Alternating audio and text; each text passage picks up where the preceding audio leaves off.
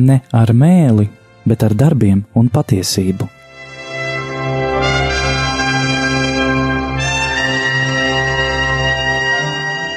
Atvērsim svētos rakstus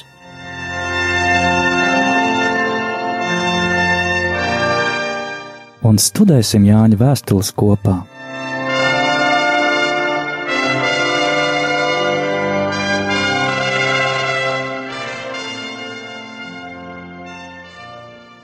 Lai slavēts Jēzus Kristus, tiekamies atkal studijā ir Stela un mūžīgi mūžos slavēts un Anžela.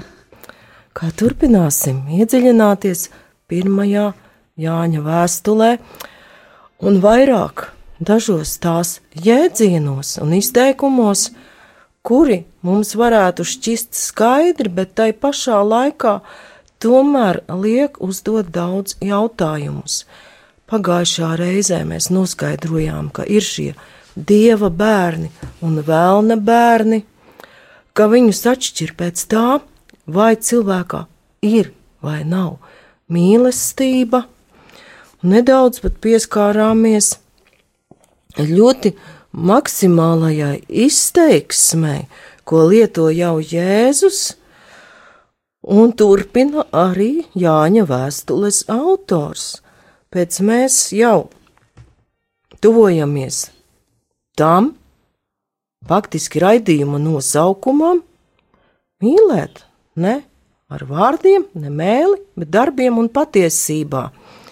Bet iepriekš mēs varam vēl saprast, kā ir ar to nemīlēšanu un kā pat Jēzus to uztver. Katrs, kas savu brāli ienīst, ir slepkava, vai te viņš ir domājis tādu ļoti lielu, milzīgu naidu? Jā, varbūt vienkārši neredz savu brāli, pareizi. Jā, neredz, un varētu vēl būt, ka viņš nokauj savu brāli pat ar vārdiem. Ar vārdiem ar mēli. Pilnīgi pareizi, jo gan pasaulē, gan, diemžēl, arī kristīgajā vidē labi zinām tādu lietu kā tenkošana un aprunāšana, pret ko rosīgi vēršas mūsu pāvests Francisks. Un arī kurnēšana. Jā, arī kurnēšana, bet par kurnēšanu es mazliet gribētu iebilst. Kurnēšana var būt arī virzītājs spēks, bet tur ir daudzi un dažādi aspekti.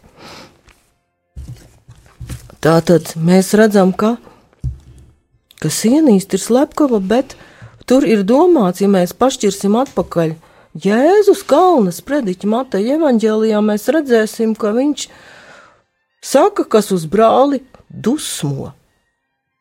Un tur varētu būt tā kurnēšana par to, ka tas brālis ir tāds un šitāds.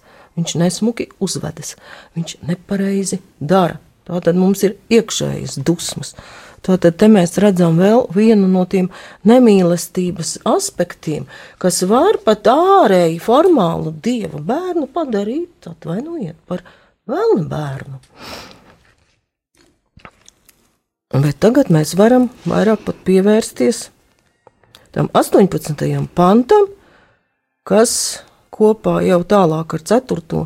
nodaļu, 7. pantu, Dievs ir mīlestība, nostājas šī vēstījuma centrā. Bērniņi. Redzam, ka Jānis šeit uzrunā tā ļoti mīļi, kā mazus bērnus, kas ir vēl šī mīlestības ceļa pašā sākumā. Nemīlēsim vārdiem, nedz ar mēli, bet ar darbiem un patiesību. Un iepriekš 17. pants jau paskaidro tādas diezgan reālas lietas, izlasot. Kā mēs varam iesākt mīlēt? Jā. Ja?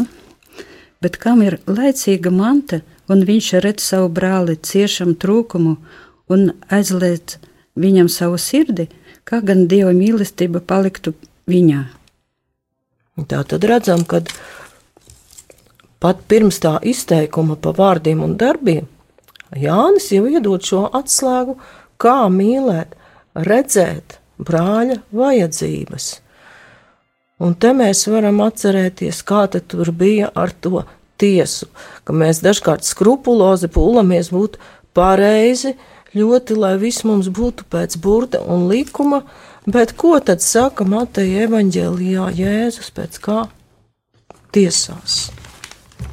Tā ir div... tiesās jā. pēc mīlestības. Jā, un kā tā mīlestība izpaužās, ja tu atceries to Mateja evaņģēlijas slaveno 25. nodaļu? Izlasīt. Jā, es pacentīšos viņu tiešām izlasīt, tas ir pareizs aicinājums. Mateja evaņģēlijas te man ir mazliet cits, bet atradīsim šo 25.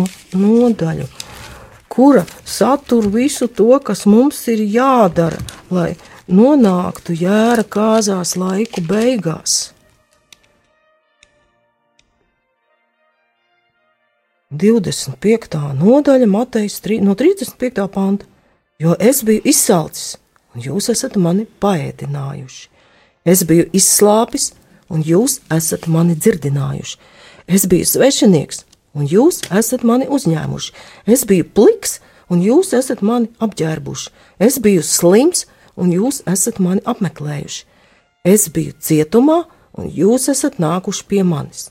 Tad taisnie atbildēs viņam un sacīs: Kungs, kad mēs esam tevi redzējuši izsalkuši un tevi paēdinājuši, vai izslāpuši un tevi dzirdinājuši?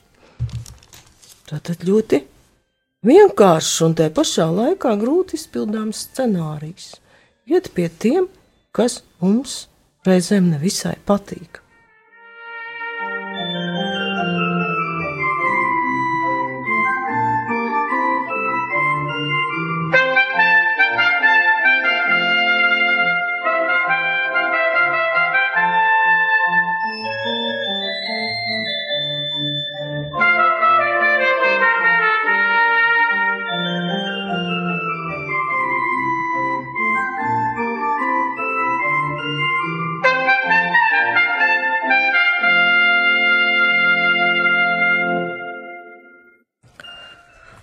Te vēl redzam tādu būtisku lietu, kas aizslēdz savu sirdi, aizslēdz viņam savu sirdi.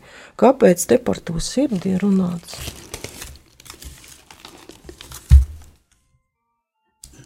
Laikam neredz uh, cilvēks tās vajadzības, kuras ir citiem cilvēkiem, un nepalīdz viņiem viņu vajadzībās.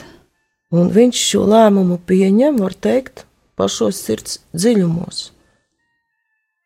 Un pat uzskata, ka tā ir pareizi. Un tālāk mēs jau nonākam pie nemīlēsim vārdiem, nedz ar mēli, bet ar darbiem un patiesību. Te jau tos darbus nedaudz mēs ieskatu guvām, un var teikt, ka Kalnas prediķis šo teikumu ļoti labi izvērsti paskaidro, kas mums ir jādara. Un jautājums par aizslēgtu vai atvērtu sirdi paskaidro, kā to darīt, ka šis lēmums nāk no paša dieva, kurš ir sirdī. Tā, tādā gadījumā mēs to varam izdarīt, jo tas darīts var būt arī, kā tautā saka, gariem zobiem, lai labi izskatītos, bet ko Pāvils par to saka? Pirmā korintiešiem. Tas nav nekā vērts. Ja tajā nav mīlestības. Jā, tālāk jau mēs redzam, ka tā mīlestība ir darbīga, šī labvēlības parādīšana otram. Un te ir interesanti par tiem vārdiem, nedz ar mēli, un drusciņi varam pievērsties pie tiem vārdiem, vai viņi vienmēr ir tik lieki un tik slikti. Jo vārdi tomēr mēs domājam valodiski. Mēs pat domu izdomājam kaut kādās vārdu kopās. Es tagad iešu, nesīšu savam brālim ēst vai apģērbties. Un tad darbs apģērbi mūsu vārdos domāto. Un vārdi jau ir pašos, pašos radīšanas pirmsākumos, kas tad tur runā? Jo tur ir divi veidi vārdi jau radīšanas grāmatā.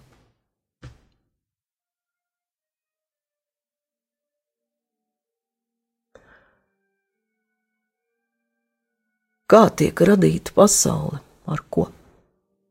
Pasaulē radīta ir divi vārdi. Pilnīgi pareizi. Dievs saka un notiek. Dievs sacīja un tapa.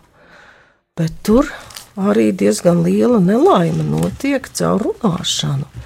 Jo runā ne tikai dievs, diemžēl vēl kāds tur ir diezgan nadzīgs uz runāšanu un pievēršas tieši sievietei, kura ir jau radīta runātīgāka un vairāk pievēršas uh, vārdiskajam.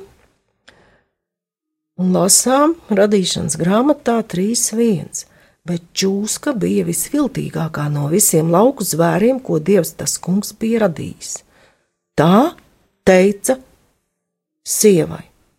Vai tad tiešām dievs ir teicis, nēdiet ne no viena koka dārzā?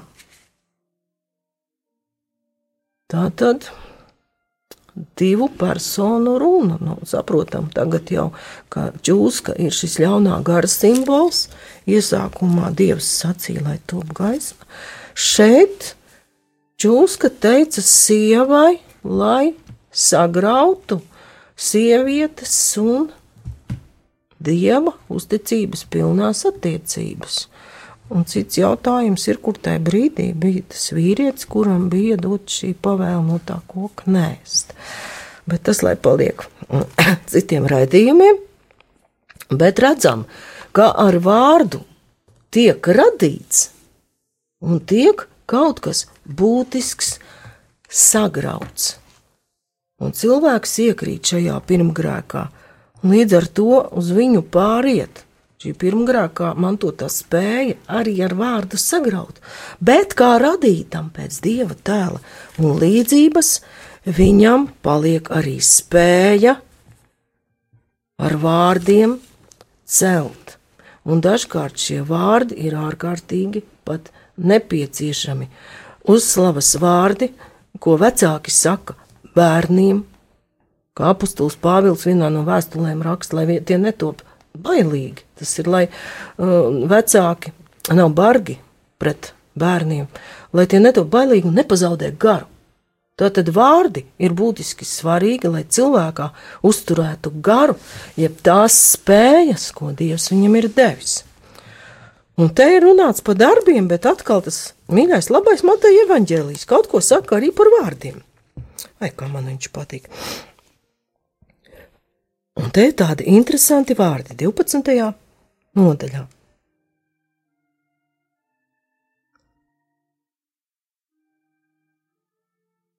Trīsdesmit septīta trīsdesmit sestais pants un tālāk. Bet es jums saku, par ikonu veltīgu vārdu, ko cilvēki runās, tiem būs jāatbild tiesas dienā. Jo pēc saviem vārdiem tu tiksi taisnots, un pēc saviem vārdiem tu tiksi pazudināts. Un kas tad tur ar to ir domāts? Tur ir viens ļoti svarīgs vārds tajā teikumā. Viens vienīgs vārds. Ievēroju, kurš. Nav teikts, ka pa visiem vārdiem. Es jums saku par katru veltīgu vārdu, ko cilvēki runās. Tā tad ir lieki nevajadzīgi vārdi un ir ļoti vajadzīgi vārdi. Un te varētu izšķirt atkal kādus vairākus momentus. Vienu jau mēs minējām, šo pat aprunāšanu vai tenkošanu. Vēl varētu pieskaitīt arī to, ka vārdiski mēs kaut ko apsolam, bet darbos neizpildām. Vai arī gluži vienkārši mēs ar muti sludinām mīlestību, bet vārdi ir skaisti, bet darbi ir kā tie mīroņu kauli, tais nobaltētajos kapos. Vai tieši pretēji? Tā kā saprast pretēji. Darbi, slikti darbi, kuri nepalīdz cilvēkiem. Ja? Un vārdi, kādi tam mums būtu, kādreiz ir slikti. Kā par mīlestību runājam un daram tieši pretējo. E, jā, Un tas ir ļoti tāds, tur arī ir tas moments, kā arī par šo neatbilstību. Tu skaisti runāji, bet nenāci mani apmeklēt, apģērbt, pabarot. Tad bija ej pie tiem āžiem. Tajā pašā laikā vārdi, pat labi vārdi var jau paši pa sevi būt kā darbs. Vēl tagad atceros svētdienas rīta arhibīskapa homīliju, kurā viņš vairāk vispirms attiecināja uz laulātajiem un teica, kad tu pēdējo reizi kādam esi teicis, es tevi mīlu. Un tas arī ir jautājums pat, ja šos vārdus it kā vienkārši vārdi, un diemžēl pasaule viņus ir ļoti, varētu teikt, apvazājusi, bet no sirds teikti tie cilvēki var pamodināt un atraisīt viņā visas dieva ieliktās spējas, bet mūs var bremzēt bailes pēc kā es izskatīšos, ko man par to teiks, vai vienkārši, nu, ērtāk ir paklusēt. Tātad arī ar vārdi var kļūt par darbu, kas prasa pat diezgan lielu izšķiršanos varbūt. Tātad tik tā mēs varam nonākt jau domājot par vārdiem. Tātad tik ļoti maz svarīgi tie nav. Jo vārds kas apliecina otram mīlestību sākumā vārdos, tas ir atdīšanas vārds, un, ja tas turpinās darbos, tad jau mēs izpildām to, kas šeit ir rakstīts. Bērniņu mīlēsim vārdiem, nedz ar mēli, bet ar darbiem un patiesību.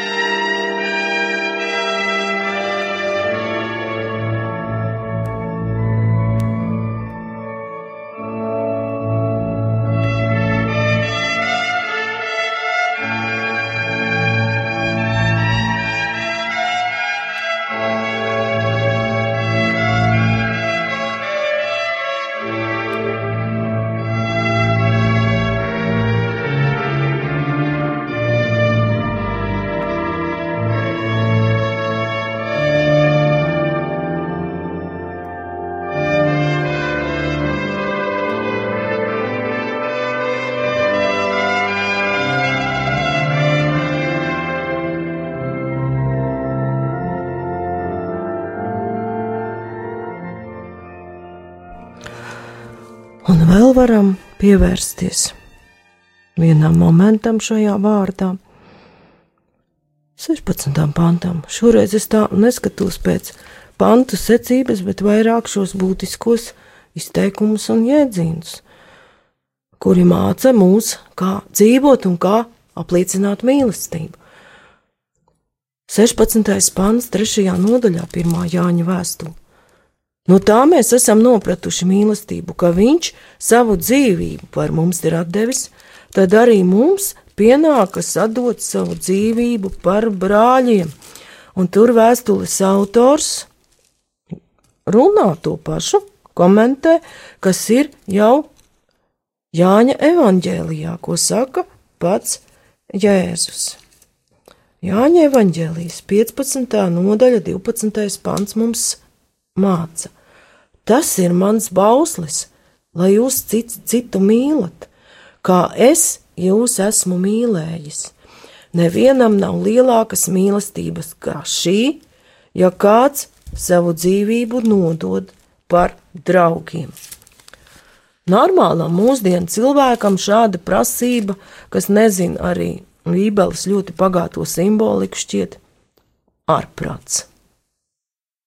Man ir viena plika dzīvība, un tā pati vēl jādod. Un pat draugiem, Jēzus laikam jau saka pat par cilvēkiem, kurus es nepazīstu, jo viņam visi bija draugi. Kā to mēs varam vēl saprast? Šo dzīvības atdošanu pa draugiem. Jo ir kas tieši atdot dzīvību, ja mēs atceramies Svēto Maksimiliānu Kolbi, kas izvēlējās nāvi otra cilvēka vietā, nacistu koncentrācijas nometnē. Bet tas nenozīmē vienmēr tiešu fiziskās dzīvības atdošanu, kā mēs vēl varam dot kaut ko otram cilvēkam. Nu, ja, es arī varu izlasīt Jāņa Evangeliju 13, 14. Jā. Un, nu, atvainojos, 34, 35. pants. Jaunu bauslēs jums dodu, ka jūs citu citu mīlat, ka es jūs esmu mīlējis, lai arī jūs tāpat citu citu mīlētu. No tam visi pazīs, ka jūs esat mani mācekļi, ja jums būs mīlestība savā starpā. Tātad mīlēt savu brāli Jā, tas brālis, tas ir tuvākais, mīlēt viņu, kā viņš mūs mīlēs, Kristus mūs mīlēs. Bet no Kristuma ir pilnīga mīlestība, un mēs uz to tiekamies, mēs mācāmies mīlēt, kā Kristus mīl mūs. Viņš dāvā pirmais mums mīlestību, un no tās mīlestības saņemtās mēs varam mīlēt savu brāli. Es domāju, tas ir visas dzīves mūsu uzdevums iemācīties mīlēt, arī mīlēt tā, kā Kristus mīlēja. Un ko mēs redzam? Jēzus dzīve noslēdzas ar tiešu šo dzīvības atdošanu. Par mums, par mums. Un, bet mēs dzīves laikā, ko mēs redzam visu laiku, vai viņš kādreiz kādam pateica, zini ko, man nav laika. Viņam vienmēr atradās arī priekš citiem cilvēkiem laiks Un šodien mēs sakam, laiks ir nauda.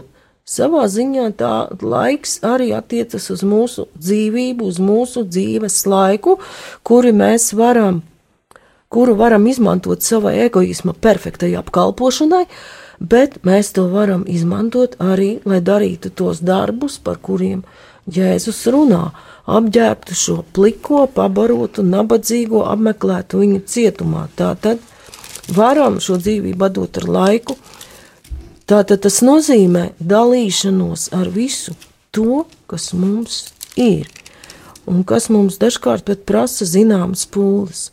Tāpat mēs varam dalīties arī ar savām zināšanām. Jā.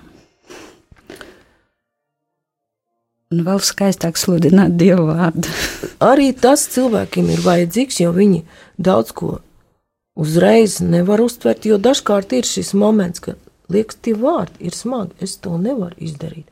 Bet pateikt viņam, ka tu vari to izdarīt, un dažkārt ir tā, ka cilvēks, kas saka, es to nevaru izdarīt, viņš pats sen jau to dara. Un radīsies tas jautājums, es visus nevaru mīlēt vienādi. Nevari gan, jo mēs neviens neesam Dievs. Bet, ja mēs sākam ar mazumiņu, Kaut vai mums ir svarīgs viens cilvēks, mēs mācāmies saskatīt arī citos to pašu dieva attēlu, un jau raugāmies arī uz citiem cilvēkiem savādāk. Viņi iegūst citu nozīmi caur šīs at, īpašās attieksmes un mīlestības prizmu. Un ir diezgan grūti mīlošam cilvēkam, kā blakus nodarbi paņemt uh, to kurnēšanu, dusmošanu un ienīšanu. Jo mīlestība un mīlestības darbi viņi gan laika ziņā, gan kā darbība izspiež ārā. Tad Dievs ienāk un izspiež ārā to nevajadzīgo un lieko. Tas attiecas uz vēlna bērniem.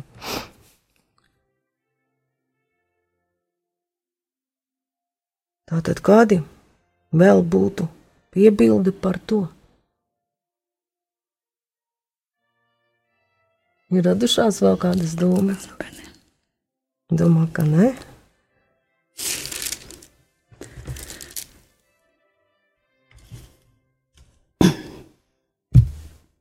Un tālāk mēs no tā jau varam doties mazliet ceturtās nodaļas virzienā, kur ir šī Garu izšķiršana mīļie neticiet katram garam, bet pārbaudiet garus, vai viņi ir no dieva, jo daudz viltus pravieši ir izgājuši pasaulē. No tā atzīstiet dieva garu. Ik viens gars, kas apliecina Jēzu Kristu miesā nākušu, ir no dieva, un ik viens gars, kas neapliecina Jēzu, nav no dieva. Tas ir antikrista gars, par ko jūs esat dzirdējuši, ka viņš nāks Tas jau tagad ir pasaulē. Un viens no šiem izšķiršanas kritērijiem, par ko jau vairāk runāsim nākamajā reizē, ir tas, ko arī Jēzus saka Mateja evaņģēlijā, tajā 12. nodaļā, kas man tik ļoti patīk, kur ir arī par tiem veltīgajiem vārdiem. Padarīt koku labu, tad arī viņa augļi būs labi, vai padarīt koku nelabu, tad arī viņa augļi būs nelabi, jo koku pazīst pēc viņa augļiem. Tātad pēc tiem augļiem mēs varam atpazīt, no kāda gara kaut kas nāk. Tas ir 12. nodaļa, tas bija 34. pants. Noslēgumā mēs vēl varam izlasīt 35. Labs cilvēks izdod no labā krājuma labu, un ļauns cilvēks izdod no ļaunā krājuma ļaunu. Tad te ir labais un ļaunais, un zinām pat, uz ko tas zīmējās, kad tur ir skaidrs pateikts, ka cilvēks izdod ārā to, kas viņā ir, vai, ta, vai viņā valda dievs vai ļaunais gars bet vairāk to visu mēs pētīsim jau nākamajā reizē. Paldies par uzmanību! Studijā bija Stela un Anģela.